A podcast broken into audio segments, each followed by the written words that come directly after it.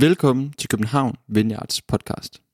Vi er glade for, at du lytter med, og vi håber, at du vil blive inspireret, opmuntret og udfordret i din tro og dit liv, hvor du end er. God fornøjelse. Jeg hedder Simon, som sagt Simon Philip. Jeg er kommet her i mange år efterhånden. Jeg er gift med Eileen, sidder herovre. Øhm, det har vi været i snart 8 år. I morgen tidlig forlader hun mig i en uge, og efterlader mig alene med to børn, hvor den ene stadigvæk ammer lidt. Det bliver svært. jeg, øh, jeg er i slutspurten af mit studium. Jeg øh, læser teologi på Københavns Universitet. Jeg skriver speciale nu. Øhm, det ser også rigtig håbefuldt ud, håber jeg. Øh, det er øh, lidt irriterende at sidde hen over sommeren som den eneste på læsesalen og bare være sådan helt mutters alene. Men øh, det skal nok blive godt. Jeg har øh, jeg blev spurgt om øh, jeg havde lyst til at tale øh, eller prædike eller undervise her i dag. Jeg har besluttet mig for at gøre alle tre ting. Jeg vil tale til jer, jeg vil prædike til jer, og jeg vil undervise jer. Øhm, talen i dag inden jeg går til mit manuskript, så øh, vil jeg bare sige, at jeg har forberedt noget, jeg har arbejdet med det, og så tror jeg på, at Helligånden har inspireret mig også. Og jeg håber, at Helligånden vil inspirere jer til at modtage det her, sådan som det kan tale til jer i jeres situation og i jeres liv. I dag vil jeg vise jer, hvordan Bibelen, som jeg lå læg på min stol, fordi jeg har skrevet det hele ned her, øh, fungerer som et kald-svar, et call-response, øh, eller som en krydsreference, alt fra vers til hele historier, til bøger og tidsperioder, så hele Bibelen er forbundet og hænger fuldstændig utroligt sammen. Bibelen er det mest komplekse litterære værk, som verden har set, men vigtigst af alt, så vil jeg i dag dele evangeliet med jer. Pointen for i dag, og jeg har lavet en konklusion, det er, at Jesus sidder med dig, uanset hvor du befinder dig i livet. Han forlader dig aldrig, og han kalder dig til at følge ham og tro på, at han er Gud. Pointen er, at Jesus er nærværende med os. Han sidder med os i vores liv, i det her nu, i den sæson, vi er i, i den tid, vi er i. På den næste slide, der kan vi se denne her graf. Den er lidt utydelig, fordi der er meget lys herinde, men jeg håber, I sådan nogenlunde kan se, at det ligner en regnbue. Den her graf, som I kan se på begge sider, den visualiserer, hvordan Bibelen taler til sig selv eller hvordan de tekstlige krydshenvisninger hænger sammen. Søjlediagrammet, der løber ned i bunden, kan I se, der er sådan nogle hvide takker, som skiftevis er grå og hvide. Det veksler mellem lysegrå og hvid og mørkegrå. Og længden af hver streg angiver antallet af vers i et kapitel. Hver af de 63.779 konservativt satte krydsreferencer, der findes i Bibelen, er afbildet af en enkelt bue Farven svarer til afstanden mellem de to kapitler, hvilket skaber en regnbuelignende effekt. Er det ikke fedt? Det er en konservativ fremstilling af, hvordan Bibelen siger noget, og så siger det igen senere, eller henviser til sig selv. Eller når, når for eksempel der er nogen i det nye testamente, der citerer noget fra det gamle testamente, så kan det man lave en graf over, at det ser sådan der ud. Lad os bede sammen. Helligånd, kom. Vi priser dig. Tak, at du er her. Tak, at i denne her kirke, der har du lagt gaver, evner, talenter. Vi beder om, at du må hjælpe os til at forvalte det bedst muligt. Kom, lad os være modtagelige for det, som du vil i dag. Vil du velsigne den her offentlige læsning af dit ord? Og vil du åbne vores hjerter, så vi kan forstå det på flere planer? Amen. Vi skal læse sammen. Konteksten for den første tekst er meget kort, at det er i begyndelsen af Jesus offentlige tjeneste på jorden. I dette stykke, som vi skal læse fra Lukas evangeliet kapitel 5, der kalder Jesus de første disciple, heriblandt Simon, Philip, nej, øh, Simon Peter, som senere får tilnavnet Peter. Der betyder klippe, nemlig den stærke klippe, hvorpå Jesus vil bygge sin kirke. Ingen af fiskerne, som Jesus taler til, ved på dette tidspunkt, hvem Jesus er. Lad os læse sammen. Og den skulle gerne komme derop. En gang, da Jesus stod ved Genesrets sø, og folkeskaren trængtes om ham for at høre Guds ord, fik han øje på to både, der lå ved søen. Fiskerne var gået fra dem og var ved at skylle garnene. Så gik han op i en af bådene, der tilhørte Simon, og bad ham lægge lidt fra land. Så satte han sig og underviste skarne fra båden. Da han holdt op med at tale, sagde han til Simon, Læg ud på dybet og kast jeres garn ud til fangst. Men Simon svarede, Mester, vi har slidt hele natten og ingenting fået. Men på dit ord vil jeg kaste garnene ud. Det gjorde de, og de fangede en stor mængde fisk, så deres garn var ved at springes. De gjorde tegn til deres kammerater i en anden båd, at de skulle komme dem til hjælp, og de kom og fyldte begge både, så de var lige ved at synke. Da Simon Peter så det, faldt han ned fra Jesu knæ og sagde, Gå bort fra mig, herre, for jeg er en syndig mand. For han og alle de, som var med ham, var grebet af rædsel på grund af den fangst, de havde fået. Lige så Jakob og Johannes, Zebedeus sønner, som fiskede sammen med Simon, men Jesus sagde til Simon, frygt ikke. Fra nu af skal du fange mennesker. Og de lagde bådene til land og forlod alt og fulgte ham. Hvis jeg går lidt ud fra mit manuskript, så er det ikke så længe siden, at Maria, som er præst her i kirken, underviste om de samme tekster. Det inspirerede mig til at præsentere noget af det igen med et andet fokus. Det vil hjælpe jer, som har hørt Marias prædiken, til at få en dybere indsigt i, hvordan Bibelen fungerer som sådan et kaldt svar, som sådan en call response. Nå, tilbage til manuskriptet. Det er først nu i mit liv, i de senere måneder, at jeg er begyndt at affinde mig med at komme videre fra det, jeg gik igennem fra omkring 2018 og gennem 2021. Det er ikke noget, jeg vil ønske for min værste fjende, selvom det måske faktisk er en serie af hændelser, som mange mennesker på den ene eller den anden måde kommer til eller har oplevet i deres liv.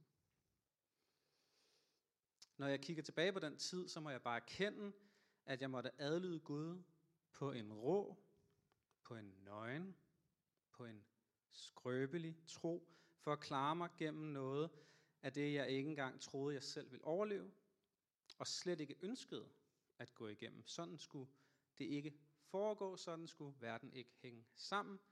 Det sker ikke for mig, det sker kun for naboen. Jeg troede, jeg mistede forstanden. Jeg mistede selvfornemmelsen. Jeg mistede fornemmelsen af, hvem jeg var, både som individ, men også som ægtemand, som far, som bror, som nevø, som ven. Jeg mistede overblikket. Jeg skulle overleve, jeg skulle fungere, for ellers ville hele verden vælte ned over mig og tage alle andre omkring mig med ned i faldet. Jeg har lige siden jeg kom til tro, lige siden da troen fik ben at gå på i mit liv, elsket at læse i Bibelen. Jeg har elsket Gud. Jeg elsker at opleve, når Gud rører på sig. Når han gør noget blandt os. Når han gør noget i mit liv. Jeg elsker, når han gør noget i hans hellige forsamling. Os, kirken. Men jeg har nu måttet gå tilbage og på ny kæmpe med de her tekster og vers, som jeg troede, jeg havde rimelig godt styr på. Som jeg troede, at jeg forstod. Jeg kæmper mere med Bibelen og min teologi i dag, end jeg nogensinde har gjort før i mit liv. Fordi jeg troede, jeg kendte det. Jeg troede, jeg havde styr på det. Og da jeg gik igennem den her sæson af mørke, trængsler, opdagede jeg alle de tanker, der fortalte mig, at sådan her hænger min teologi sammen, og alle de tanker var den tur i skraldespanden. Jeg var nødt til at stoppe op. Jeg var nødt til at fortælle mig selv, at måske har jeg ikke læst de her tekster, som jeg burde læse dem. Og da jeg skrev det her, der blev jeg mindet om et øh, bibelvers fra Jobs bog.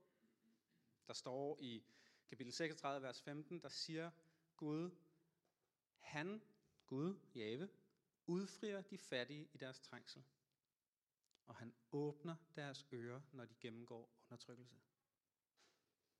Det er ikke sjovt. Det er ikke sjovt at gå igennem dødskyggens dal. Man kan ikke flygte nogen steder hen. Der er fjender bagved dig. Bjergene omringer dig. Du kan intet se, der er bælmørkt.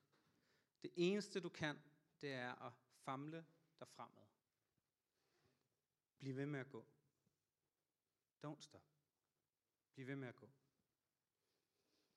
Men jeg kan så fortælle dig, at da jeg kom ud af den tid, der var det undertrykkelsen, der var det smerten, det var fortvivlelsen, det var angsten, som inviterede mig til at ændre den måde, hvorpå jeg så Bibelen, de måder, hvorpå jeg ser Kristi læme.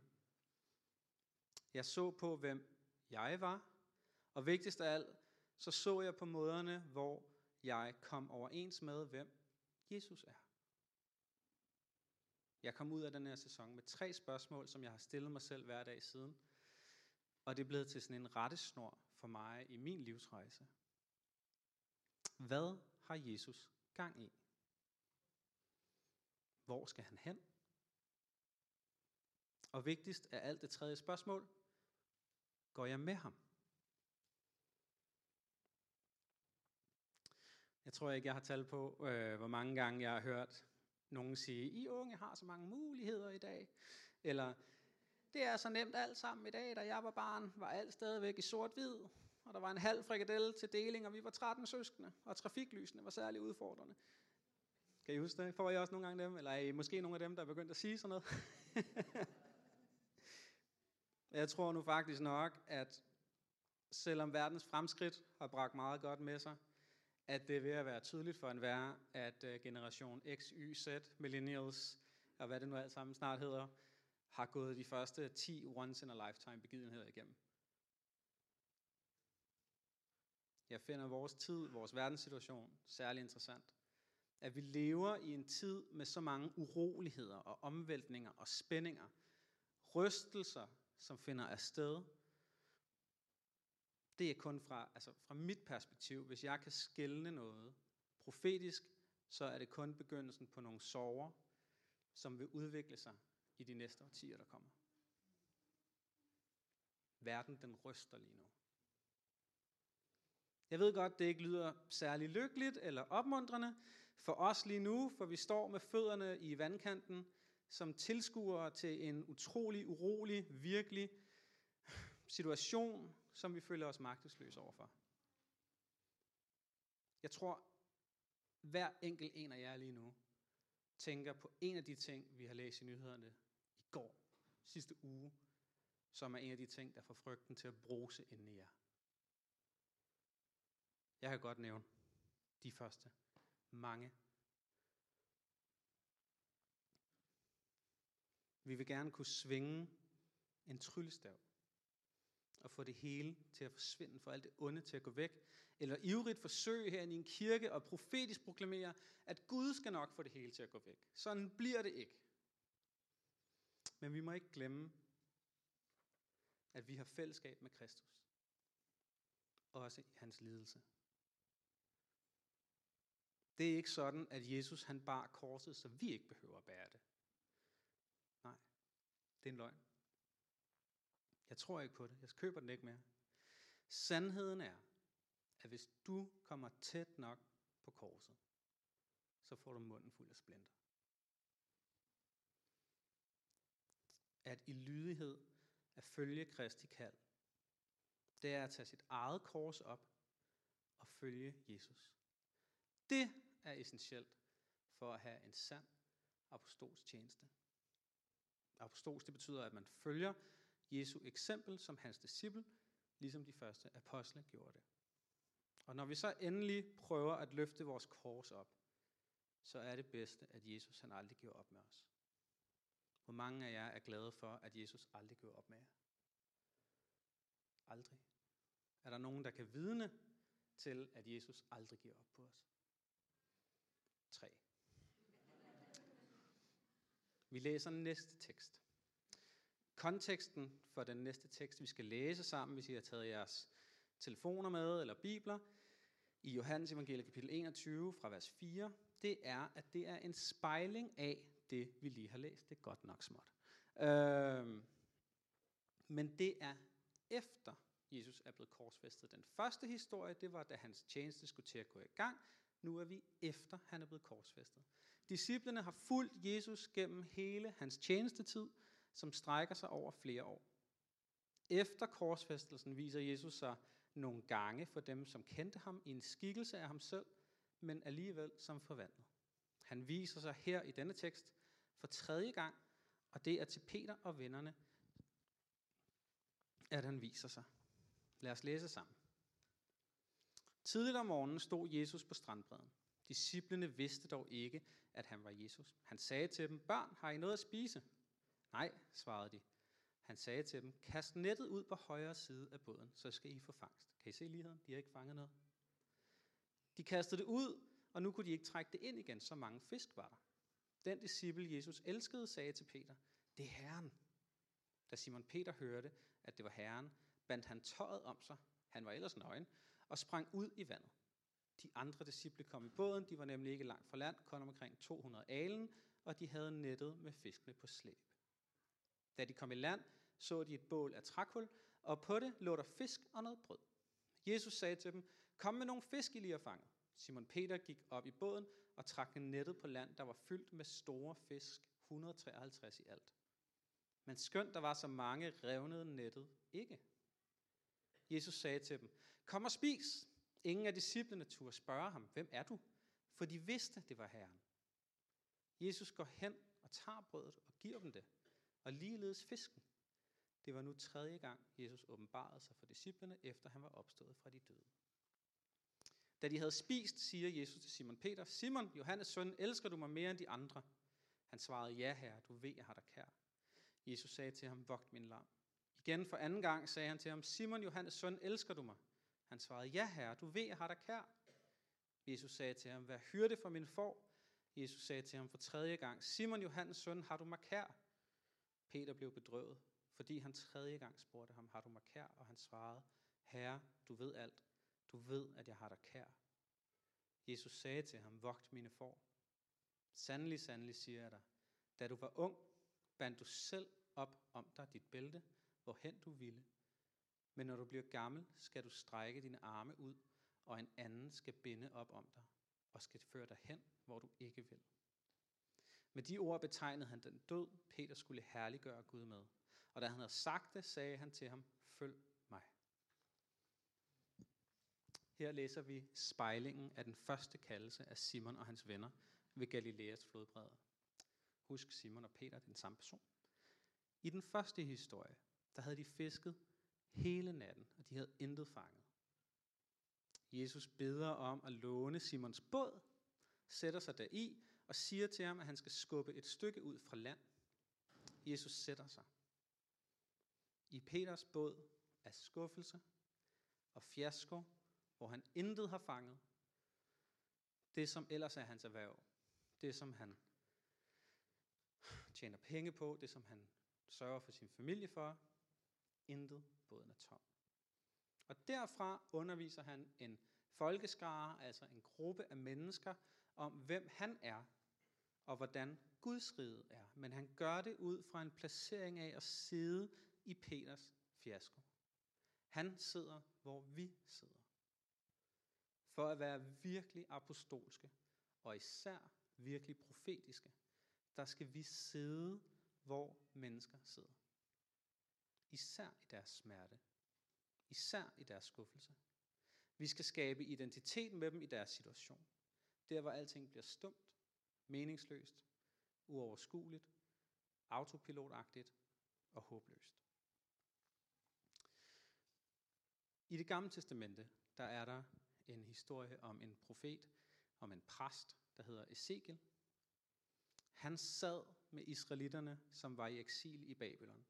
Han havde ikke noget tempel, hvor han kunne tilbyde sine præstetjenester. Han havde ingen steder, hvor han kunne fungere som præst. Da han som 30-årig var færdiguddannet, det eneste han kunne gøre, det var at sidde sammen med en stor flok af fangerne i Babylon, som adskilte sig fra de andre fanger og slaver, som Babylon havde ved at sætte sig ved floden uden for byen. De andre slaver, de blev indlemmet og mere og mere integreret i kulturen i Babylon og mistede langsomt deres ophavsidentitet. De blev integreret. Dem, som sad ved floden, israelitterne, det var dem, som bevarede integriteten af det, der var tilbage. Og det eneste, der var tilbage, var at vaske deres hænder syv gange om dagen, så de kunne bede i henhold til jødisk tradition. Eksil var ikke nogen nem tid for de israelitter, som var tilbage. De var traumatiseret. De var fanger.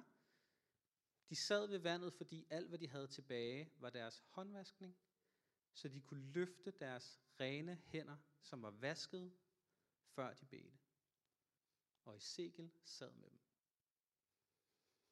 Og fordi Ezekiel sad med dem i deres fiasko, i deres skuffelse, i deres lidelse og ærgelse, desillusion, så laver Gud drage sig helt tæt på Ezekiel. Han åbner himlen op, og Ezekiel får lov til at se ind i det usete rige af Guds herlighed. Og han ser en, som har skikkelse som et menneske, der sidder på en trone, og Gud begynder at drage Ezekiel til en ny tjeneste, som ikke er en præstlig tjeneste, men en profetisk tjeneste. Selvom han var uddannet præst, skulle han være Guds profet. Hvorfor? Fordi han var villig til at sidde, hvor eksilet sad. Hvis jeg går væk fra mit manuskript, prøv at overveje det her med integration. Nørrebro, Nordvest. Der er rigtig mange mennesker derude, der føler sig som fanger. De har en ophavsidentitet. Deres land er søndersmadret. Og de prøver at holde fast i noget af det, som gør dem til mennesker. Hele mennesker. Og så kommer vi og siger, at I skal bare være ligesom os. Nå. Jesus sidder i Peters skuffelse, når han er færdig med at undervise og dele det, han ville forklare ved flodbredden, som har været så stor og ivrig og påtrængende, at det tvang Jesus til at blive skubbet væk fra kysten, fordi behovet var så stort, at han havde brug for at komme lidt på afstand, så han kunne betjene de her folk effektivt, glemmer han alligevel ikke Peters spørgsmål. Og han siger til Peter, Peter, jeg vil have dig til at sejle ud på dybere vand. Peter sidder i sin fiasko, og nu skal han ud på dybere vand. Kast din net ud til fangst. Peter siger, jeg skal nok gøre, hvad du siger, men der er altså ikke nogen fisk derude. Og Peter ved ikke, hvem der er i båden med ham, men den, der er i båden med ham, er ikke fornærmet over, at Peter tror, han ved mere om fiskeri, end ham, der har skabt fiskene. Det er det med Jesus og hans kærlighed, at selv når han er lidt nedladende, så gør han os aldrig til skam. Han sidder sammen med os, hvor vi er. Han identificerer sig med os. Han kan håndtere vores klager. Han kan håndtere vores intensitet. Han kan håndtere den rå, nøgne måde, hvorpå vores brudhed viser sig i vores ord. Og han smiler bare og siger, prøv nu bare alligevel. Peter ved ikke, hvad han skal stille op med sig selv, fordi han kaster nettet, er fangsten så stor, at nettet knækker, hvilket indikerer, at det er et symbol på, at der er noget, der er gået i stykker selv helt inde i Peter, som bliver åbenbaret i hændelsen. Peter falder ned på sit ansigt, fordi foran ham, der er Gud, gemt i en menneskekrop, kødelig, og han siger, ved mig, jeg er en synder. Det er et paradoks, paradoxer. Det er to helligheder, to herligheder. Hvordan kan det endelige, et menneske og det uendelige, være forenet? Hvem er det? Hvem er det, som er i båden med dem? Hvem er på flodbredden med dem? Og Peter bekender sin komplette syndighed i, sit, i det her Guds nærvær. Og Jesus svarer ham bare, vær ikke bange, Peter, jeg har styr på det. I got this. Fra nu af vil du fiske mennesker, følg mig. Det er ikke sådan, at Jesus han afviser Peters bekendelse, hans syndsbekendelse. Peter har brug for at omvende sig. Og han skal helt klart tilbede Jesus. Det er ikke det, der er problemet. Det, som er i fokus, det er, at Jesus ser ud over Peters brudhed og hans ødelagthed og ind i mulighederne for hans fremtid med ham. Sådan ser Gud dig. Han ser ud over din brudhed, og han kigger ind i fremtiden og ser mulighederne for dit liv. I spejlingen af historien, der ser vi, at Jesus inviterer dem. Han siger, kom gutter, kom og spis morgenmad. Men der er et problem, for der er ikke nogen af dem, der tør sige noget. De vil ikke sige noget. Kom og spis. Men de tør ikke. Spejlingen af historien i Johannes evangeliet opererer med det, man kalder den liminale fase. Den liminale fase, det er der, hvor selve overgangen tænkes at finde sted. Der er noget note der. Det er jo sådan lidt nørd. Der er lidt til nørder. Den kendetegnes af, at subjektet, Peter og vennerne, nu er helt nulstillet. Uden status, uden identitet. Det, altså subjektet Peter, tænkes at befinde sig i et tomrum mellem sin gamle og sin nye status, i et flydende eller blød tilstand, hvor alt er muligt. I denne farlige tilstand er objektet sårbart, men netop derfor også modtagelig for en bearbejdning. Også grænserne mellem objektet og dets omgivelser kan blive flydende, og i nogle tilfælde er hele verden sat på spil i denne fase. Jesus siger, kom med brødet og fiskene. De er en liminal tilstand. De er et mellemsted mellem det, de vidste om Jesus før korsfæstelsen, og det, de skal blive reorienteret til nu. Nemlig, at Jesus, han er der ikke længere. Og hver gang han dukker op, så dukker han op på en ny måde. Det er aldrig den samme. Det er meget ustabilt. Det er forvirrende. Det er skræmmende. Det er som om, at der er nogen, der har hamret en reset-knap i bund ved korset. De prøver at gå tilbage til før korset, til det de kendte, sådan som det var førhen, men det kan de ikke. De vil gerne have, at Jesus kommer og genopretter alting, men de er endnu ikke i fremtiden. De er i mellemstadiet. Det er der, hvor de skal håndtere spændingen i modsætningerne, og de ved ikke helt, hvordan de skal forholde sig til Jesus, fordi han vender dem af med at kende ham som et kødeligt menneske, til nu at kende ham som ånd. Helligånden kommer. De ved ikke, hvordan de skal interagere med ham. For det er Gud, den almægtige, som sidder ved bredden og laver morgenmad over et bål til syv slitte, traumatiserede, forvirrede, lidende, dysfunktionelle fiskere, der har nået deres absolute tærskel for, hvad de kan håndtere. De er i den liminale fase. Der, hvor transformationen finder sted, hvis bare vi lærer at vente og lade ham forme os. Jeg var i den liminale fase i 3,5 år.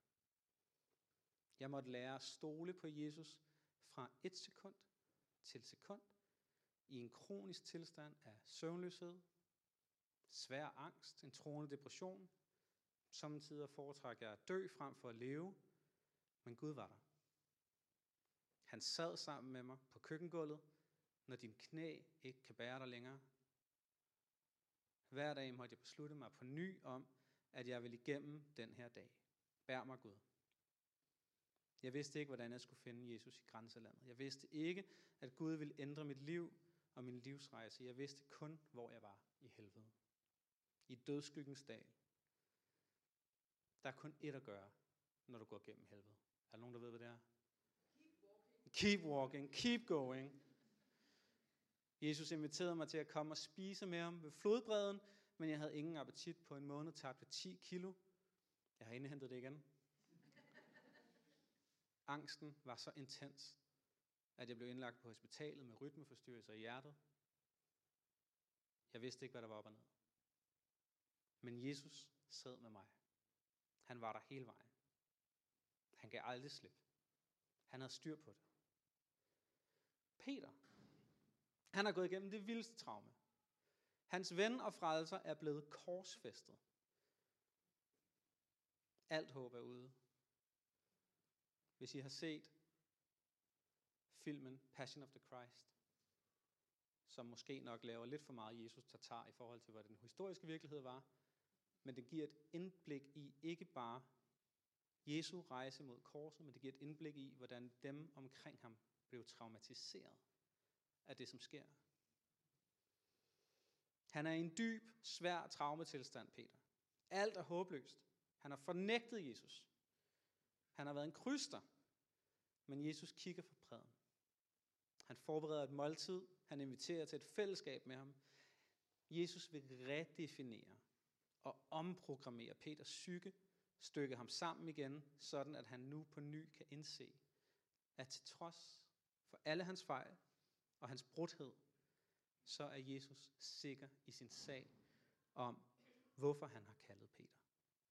Ja, der er seks andre venner, men det er Peters moment. Jesus er i centrum. Jesus er altid i centrum. Men det er Peter, der er i fokus. Jesus har arrangeret det helt rigtige tidspunkt. Den helt rigtige scene, som ligner den, hvor han først blev kaldet. Han havde en anden identitet. Han hed noget andet. Simon, som nok godt kan oversættes med et strå, der svejer i vinden, til nu at være Peter, betyder klippe, solid, stærk, fast. Ved du, at Gud arbejder mirakuløst, utrætteligt, hver dag for at forordne hver enkelt skridt, du tager. Jeg tror ikke, at du og jeg har nogen idé om, hvordan Gud han orkestrerer omstændighederne for os, for at drage os nærmere til ham. For at lede os derhen, hvor han ønsker, at vi skal være. Og han beder os om at stole på ham. Udfordringen er, om vi stoler på ham, når helvede bryder løs. Når du ikke ønsker det, der sker, og du ikke kan se en udvej, og du ikke har noget håb. Jesus siger til Peter, som jeg tror, at han også siger til os. Og jeg tror, at det jeg læser nu er Helligåndens inspiration. Jeg tror, det er til mig. Jeg tror, det er til dig. Jeg tror, det er til os som menighed. Men jeg forestiller mig, at Peter også kunne have hørt det her fra Jesu egen mund. At jeg kalder dig fra fremtiden til fremtiden. Jeg er alfa og omega. Det betyder begyndelsen og slutningen. Jeg har brug for, at du træder ud af dit mørke. Jeg har brug for, at du giver det hele til mig, og jeg har brug for at begynde at gøre noget i dig, der er i kernen af dig og i din indre integritet. Kan du prædike de gode nyheder? Kan du røre mennesker, hvor de smerter allermest? Peter, jeg har brug for, at du begynder at komme videre. Kirke, jeg har brug for, at du begynder at komme videre. Jeg vil trække dig ind i fremtiden. Jeg har brug for, at du følger mig, siger Jesus. Jeg har brug for, at du begynder at komme videre. Du sidder fast i din fortid. Og det er derfor, at dit nuværende øjeblik bliver ved med at blænde dig for det faktum, at jeg er lige her sammen med dig. Det her nuværende øjeblik, vi har lige nu, det er det eneste øjeblik, vi har til at kende Jesus i. Og så siger Jesus til Peter, jeg har en profeti til dig. Og vi vil så gerne have, at de her profetier, vi får, er vidunderlige, og åh, du skal være en stor evangelist, og du skal røre tusinder af mennesker. Jeg ser en sandstrand og en hængekøje, og Jesus kommer gående med en pina colada. Det er fint nok. Men Jesus sætter modellen for, hvordan han profeterer for Peter. Han siger, da du var en ung mand, der klædte du dig selv på, og du gik derhen, hvor du ville. Vi kan oversætte det. Før du kendte mig, klædte du dig selv på. Du sørgede for dig selv. Du gik selv derhen, hvor du ville. Når du bliver moden, vil du ikke længere være i stand til at bestemme, hvordan du er klædt på, eller hvor du går hen. Og i sidste ende vil de afklæde dig, og de vil hænge dig på et kors, ligesom mig. Jeg har brug for, at du ved det, Peter. Selvom du sagde, Peter, at det blodige kors ikke var en del af mit formål, så beder jeg dig om at følge mig ind i den fremtid. Fordi der er en større belønning, der venter på dig på den anden side, hvis du vil tage dit kors op og følge mig. Det her, det er en besked til os alle sammen, af dem, som vælger at følge Gud. Traditionen fortæller os, at Peter forsøgte at flygte fra Rom da han var ved at blive korsfæstet. Og Gud stoppede ham og sagde, Peter, hvor skal du hen? Det spørgsmål er sådan lidt. der er nogen derovre, der vil bygge et kors, ikke? Og, og Jesus sagde til ham, jeg har brug for, at du går tilbage, Peter. Når de gør sig klar til at korsfeste Peter, så strækker de hænderne ud, og de tvinger fingrene åbne. De sømmer dem fast. Det var det, Jesus sagde, at de ville gøre. Og de lagde ham på et romersk klædestykke, og Peter sagde til dem, venner, jeg fortjener ikke at blive korsfæstet som min frelser. Vend mig om. Vend mig på hovedet. Uanset hvor ulideligt livet kan være med Gud, så er han det værd. Og de korsfæstede ham på hovedet og begravede ham i de der katakomber. Men jeg lover dig, at da han kom hjem til herligheden, i faderens himmelske nærvær, var det det hele værd.